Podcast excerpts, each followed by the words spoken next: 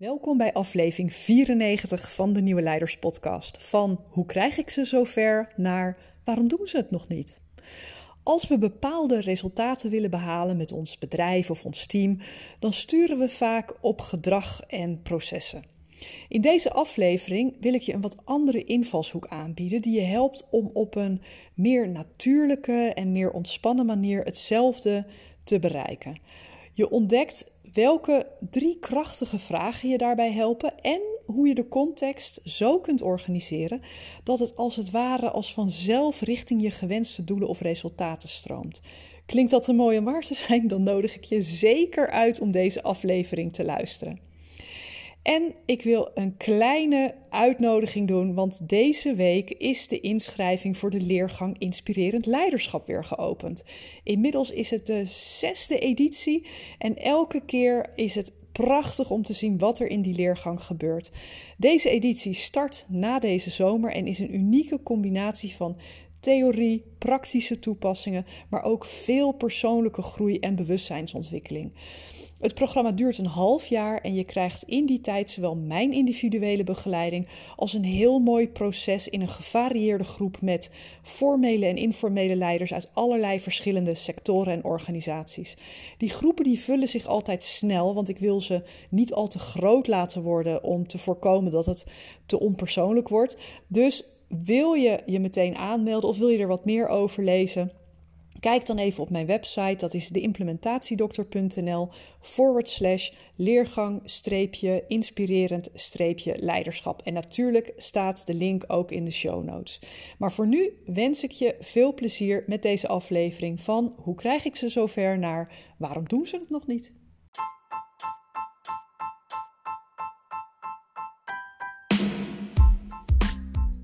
Nieuwe tijden vragen om nieuw leiderschap. Mijn naam is Petra Kuipers en vanaf deze plek neem ik je mee op onderzoek naar hoe we nieuwe vormen van leiderschap kunnen ontwikkelen in organisaties, in teams en niet in de laatste plaats bij onszelf.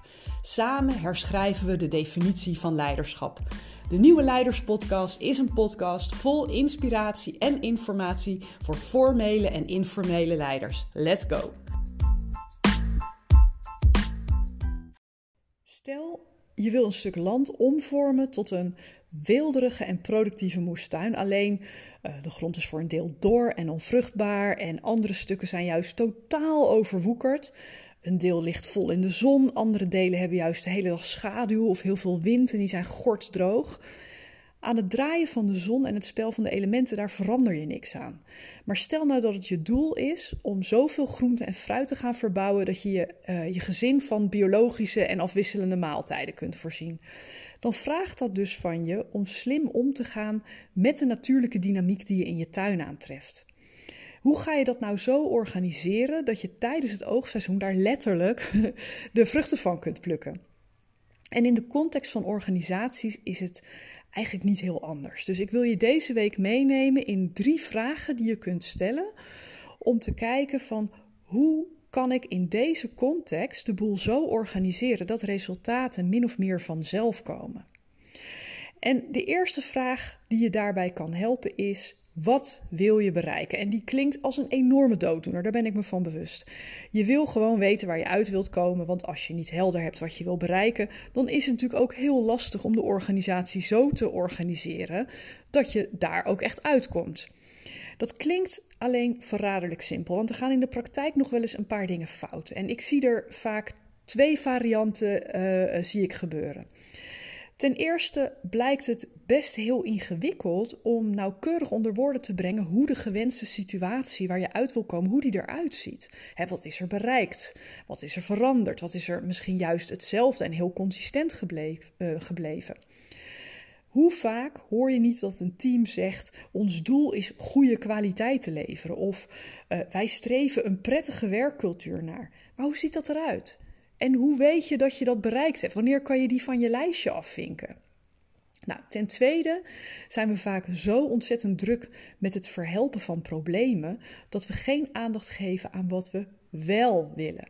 We zijn meesters in het focussen op problemen. We hebben geleerd dat het verstandig is om altijd een probleemanalyse te maken, een diagnose te stellen van wat eraan schort. En zo sturen we als het ware via de achteruitkijkspiegel.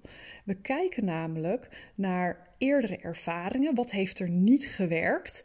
En op basis van wat er niet gewerkt heeft, gaan we sleutelen. Um, en wat misschien nou, nog wel kwalijker is, we gaan daarmee vooral met een probleembril naar de hele situatie kijken. Terwijl als je een effectieve, stimulerende context wilt ontwikkelen, dan wil je juist het gewenste resultaat haarschep neerzetten en daar alle aandacht naartoe sturen. Niet aan wat er niet werkt en wat er beter moet. Je wil het gewenste resultaat echt bijna tastbaar. Je wilt bijna kunnen, kunnen proeven als het ware. Dat is de toetssteen voor alle keuzes die je maakt. Wat doe je? Wat laat je juist? Is dat ondersteunend aan de weg die we te bewandelen hebben richting dat haarscherpe eindresultaat? Een heldere gewenste uitkomst heeft een hele uh, krachtige pullfactor. Het is een soort hele sterke magneet. Het trekt je als het ware richting die gewenste toekomst.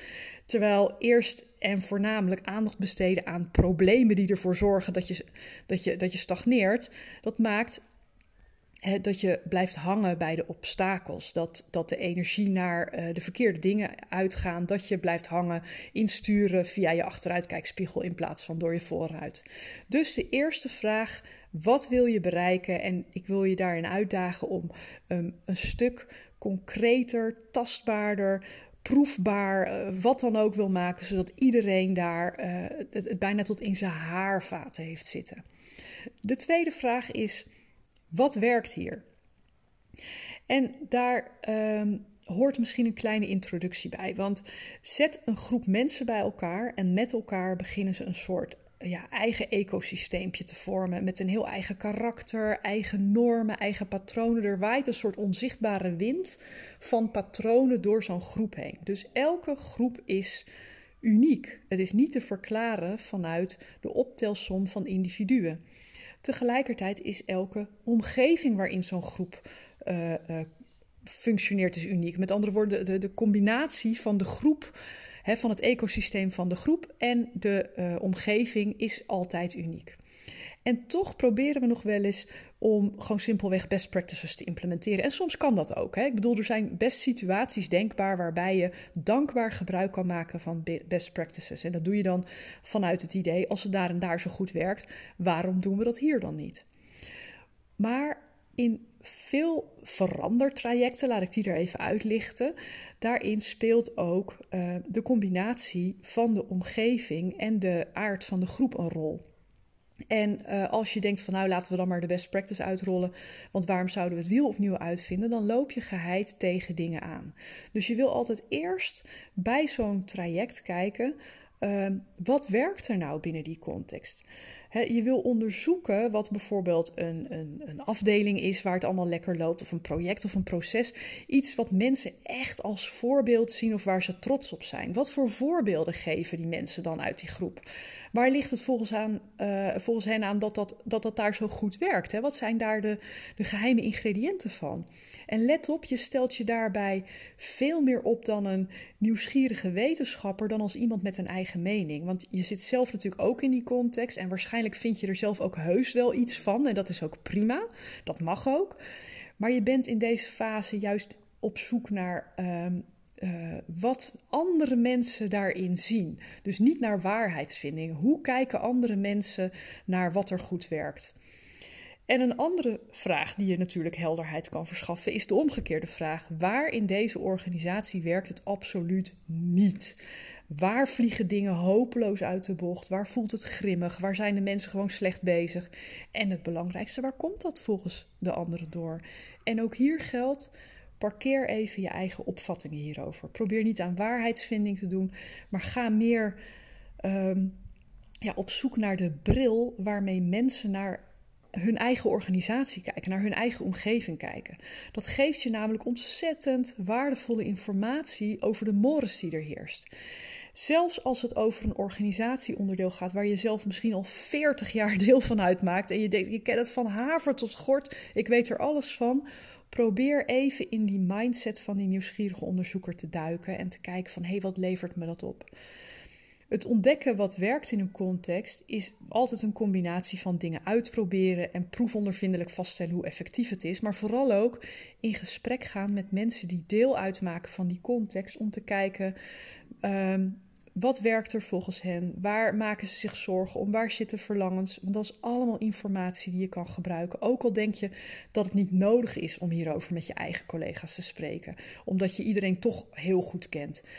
Ik daag je uit om in dat geval toch als die nieuwsgierige, geïnteresseerde, objectieve onderzoeker aan de slag te gaan. En het zal je verbazen welke inzicht dat geeft. Het antwoord of de antwoorden op de vraag: wat werkt hier? En dan de derde en laatste vraag. En die is er eentje die, wat mij betreft, misschien wel het belangrijkste is. En toch wordt die zelden gesteld. Waarom doen we het nog niet? Wat houdt mensen, jouzelf ook misschien, tegen om het gedrag te tonen dat nodig is om de gewenste situatie te bereiken? Waar zitten bottlenecks die dat gedrag belemmeren?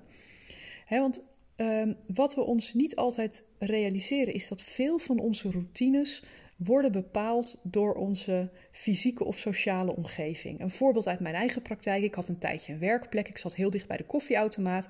Maar tegelijkertijd was ik ver weg van een kraan of een waterkoker en dat soort dingen. Dus ongemerkt begon ik veel meer koffie te drinken dan ik gewend was. Als ik dorst had, dronk ik koffie. Als ik even geconcentreerd wilde werken, deed ik dat met koffie. Als ik een vergadering had, nam ik koffie mee. Als ik aan de telefoon was, schonk ik koffie in. Het duurde een paar maanden voor ik doorhad waarom ik me in de loop van de dag elke keer zo ontzettend opgejaagd begon te voelen. De koffie stond binnen handbereik, maar voor thee of voor water moest ik letterlijk naar een andere ruimte lopen. En ondanks dat inzicht bleef het best nog even een tamelijk hardnekkige gewoonte. En pas toen ik een verband begon te zien met dat ik slecht begon te slapen en, en mijn enorme koffieinname, toen uh, was ik in staat om elke ochtend een fles te vullen en die op mijn werkplek te zetten. En het af en toe ook echt even als een stukje lopen te zien om, uh, nou ja, om, om die fles uh, opnieuw gevuld te houden en niet weer in mijn koffiepatroon te duiken. Wat ik daarmee wil zeggen, aanpassingen in een omgeving uh, is in de praktijk een van de meest effectieve manieren om te sturen. Aanpassingen in een fysieke of sociale omgeving leiden vrijwel automatisch en ongemerkt altijd tot andere routines. En uh, gedragseconoom uh, Richard Thaler, of Thaler, ik weet eigenlijk niet hoe je het uitspreekt, die heeft in zijn boek Nudge heeft hij uh, beschreven dat gedrag voornamelijk gestuurd wordt door de fysieke omgeving. Ik weet niet of ik het daar helemaal mee eens ben. Ik denk dat de sociale omgeving ook veel doet, maar hij is grondlegger van wat ze ook wel noemen keuzearchitectuur. Dat zijn structuren in je inrichting die mensen ertoe aanzetten om betere beslissingen te nemen. Zet je bijvoorbeeld in je bedrijfsrestaurant meteen bij de ingang een, een saladebar neer in plaats van allerlei gefrituurd voer, dan geef je mensen ook een prikkel in de richting van gezondere keuzes. Wil je dat uh, bepaalde uh, afdelingen of groepen mensen veel meer onderling afstemmen, zet ze dan fysiek dichter bij elkaar of regel dat ze op momenten fysiek dichter bij elkaar zitten. Uh, wil je een cultuur waarin leren en ontwikkelen een hele ja, centrale, uh, uh, ja, centrale doelstelling is, denk dan eens na wat weerhoudt mensen daar nu precies van? een intervisiestructuur, ik kwam dat laatst tegen, daar wilden ze graag een intervisiestructuur optuigen. En dat is een prima idee. Ik denk dat daar heel veel uh, vanuit kan gaan wat, wat een groep verder helpt. Uh, maar deze medewerkers konden daar geen tijd voor reserveren in het planningssysteem. En ze konden de uren achteraf niet verantwoorden in het tijdschrijfsysteem. Nou, werk je misschien helemaal niet met dit soort systemen, maar je ontdekt heel vaak dat er bepaalde prikkels, als het ware, de andere kant op staan.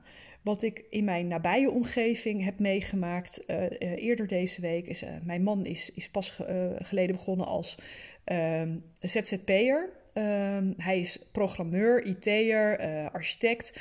En hij uh, was gevraagd door een grote gemeente om te reageren op een vacature. Maar die moet natuurlijk in een soort aanbesteding worden aangeboden. En dat gebeurt op een website. Nou, was een moeilijk vervulbare klus. Dus ze wilden hem heel graag hebben. Maar voordat hij aangemeld was in dat systeem, voordat hij toegang had tot, die vacature, want die bleek niet automatisch bij je terecht te komen als die vacature al uitstond, voordat jij überhaupt toegang had tot het systeem, zou je die nooit meer vinden. Um, uh, was er al heel veel tijd overheen gegaan. Vervolgens was hij eindelijk bij die vacature terechtgekomen en moest hij een vragenlijst in gaan vullen. En terwijl hij die vragenlijst invulde, was de reactietijd verstreken en sloot automatisch die klus. hij was verdwenen. Onder zijn vingers verdween de klus. Dus de wens van die betreffende grote gemeente is om een uh, externe IT'er in te huren. Tegelijkertijd richten ze een, um, een, een, proces in wat bijna een soort zeephelling is, waar geïnteresseerde uh, kandidaten tegenop moeten rennen. En ja, eerlijk is eerlijk, aan het eind van zo'n proces denk je, weet je wat, laat maar. Ik ga er niet eens meer achteraan, laat maar zitten. De volgende klus komt weer langs. En zo is het ook, want op dit moment is natuurlijk de, de, de arbeidsmarkt in die zin uh, helemaal aan de, aan de werkzoekende, de werknemers en de ZZP'ers. Uh, andersom um, is een, uh, een truc die je vaak ziet bij, um, bij supermarkten of bij, bij prijsstunters of wat dan ook. Dat ze in de bakken voor de rij bij het afrekenen, dat ze daar allerlei dingen neerzetten die je nog wel eens als impuls inkopen in je karretje gooit als je daar staat te wachten op afrekenen. Je bent snel geneigd om dat in je karretje te doen, terwijl je helemaal niet van plan was om dat te kopen.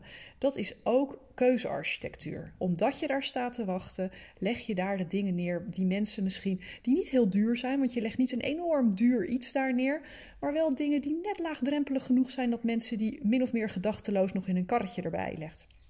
Nou ja, zodra je beseft hoeveel invloed onze werkomgeving, onze leefomgeving heeft op ons gedrag, dan zie je ook hoe belangrijk het is om die zo in te richten dat het zo vanzelfsprekend mogelijk wordt om dat gewenste gedrag te vertonen.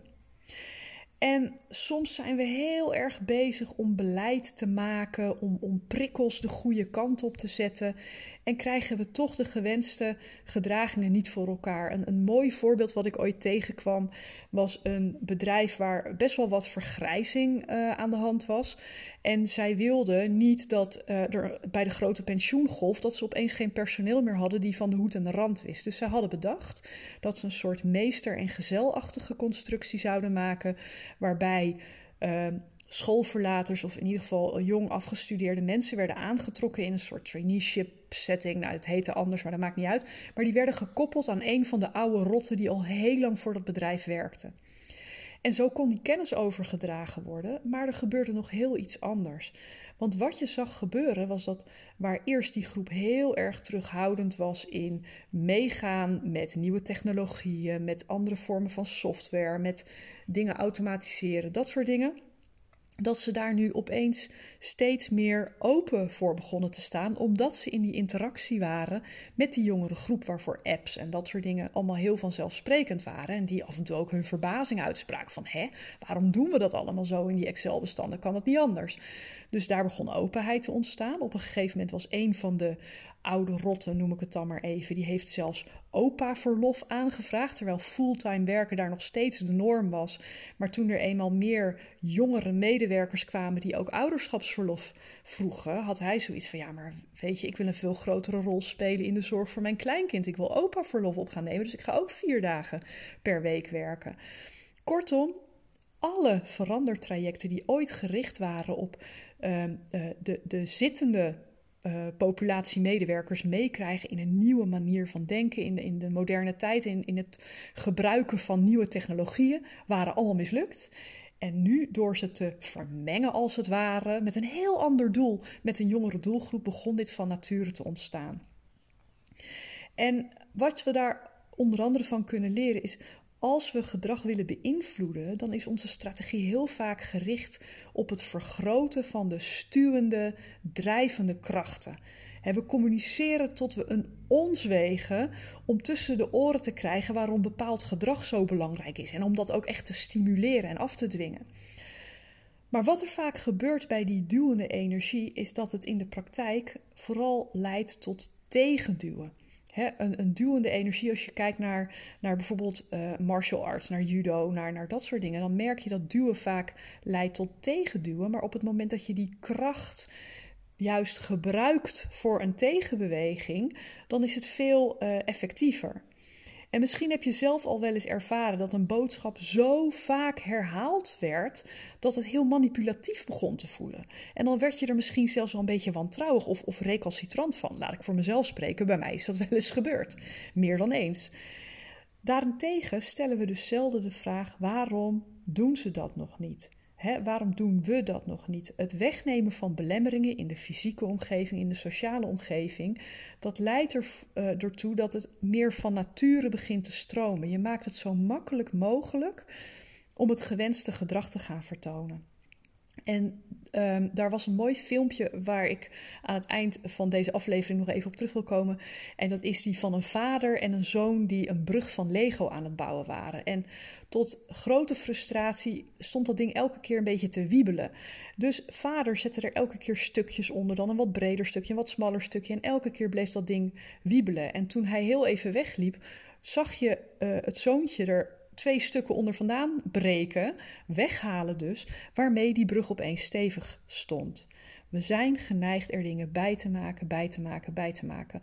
Maar zelden denken we na over wat kunnen we weghalen om deze beweging natuurlijker te maken, om het meer van nature te laten stromen. Dat is waar ik het deze week met je over wilde hebben. En ik nodig je vooral uit, ga er eens mee experimenteren. Want het is hartstikke mooi om inzichten op te doen, om, om kennis te verzamelen.